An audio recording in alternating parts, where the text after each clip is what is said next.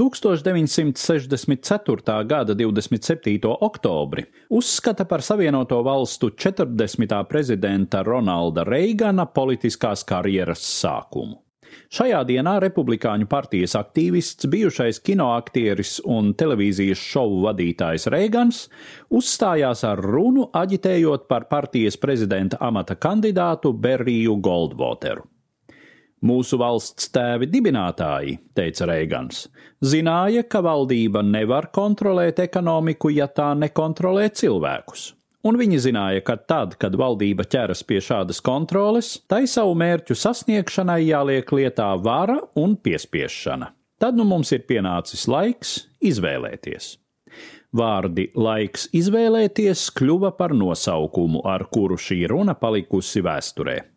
Runas pamatā ir brīvības, gan ekonomiskās, gan politiskās apliecinājums, un atziņa, kā attiecībās ar Padomju Savienību, nebrīves citadeli, Amerikai jāpaļaujas pirmām kārtām uz savu spēku, nevis uz diplomātiskiem kompromisiem ārpolitiku, kura bija ieguvusi pielāgošanās politikas nosaukumu, Reigans pielīdzināja taktikai, kādu rietumu demokrātijas piekopa attiecībās ar Hitleru pasaules kara priekšvakarā, tā sauktajai nomierināšanas politikai. Every lesson of history tells us that the greater risk lies in appeasement, and this is the specter our well-meaning liberal friends refuse to face.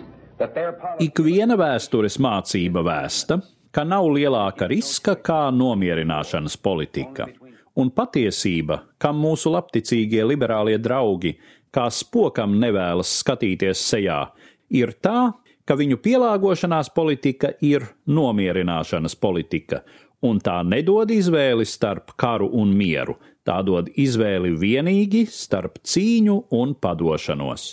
Ja mēs turpināsim pielāgoties, turpināsim piekāpties un atkāpties, agri vai vēlu mums nāksies piedzīvot pēdējo prasību - ultimātu. Reigana runa ienesa vairākus miljonus kandidāta Goldwatera priekšvēlēšanu budžetā, kas gan neglāba viņu no sakāves vēlēšanās. Lielākais ieguvējs izrādījās pats runas autors. Viņu ievēroja Republikāņu partijas spicē, un jau pēc diviem gadiem viņš sekmīgi startēja Kalifornijas gubernatora vēlēšanās.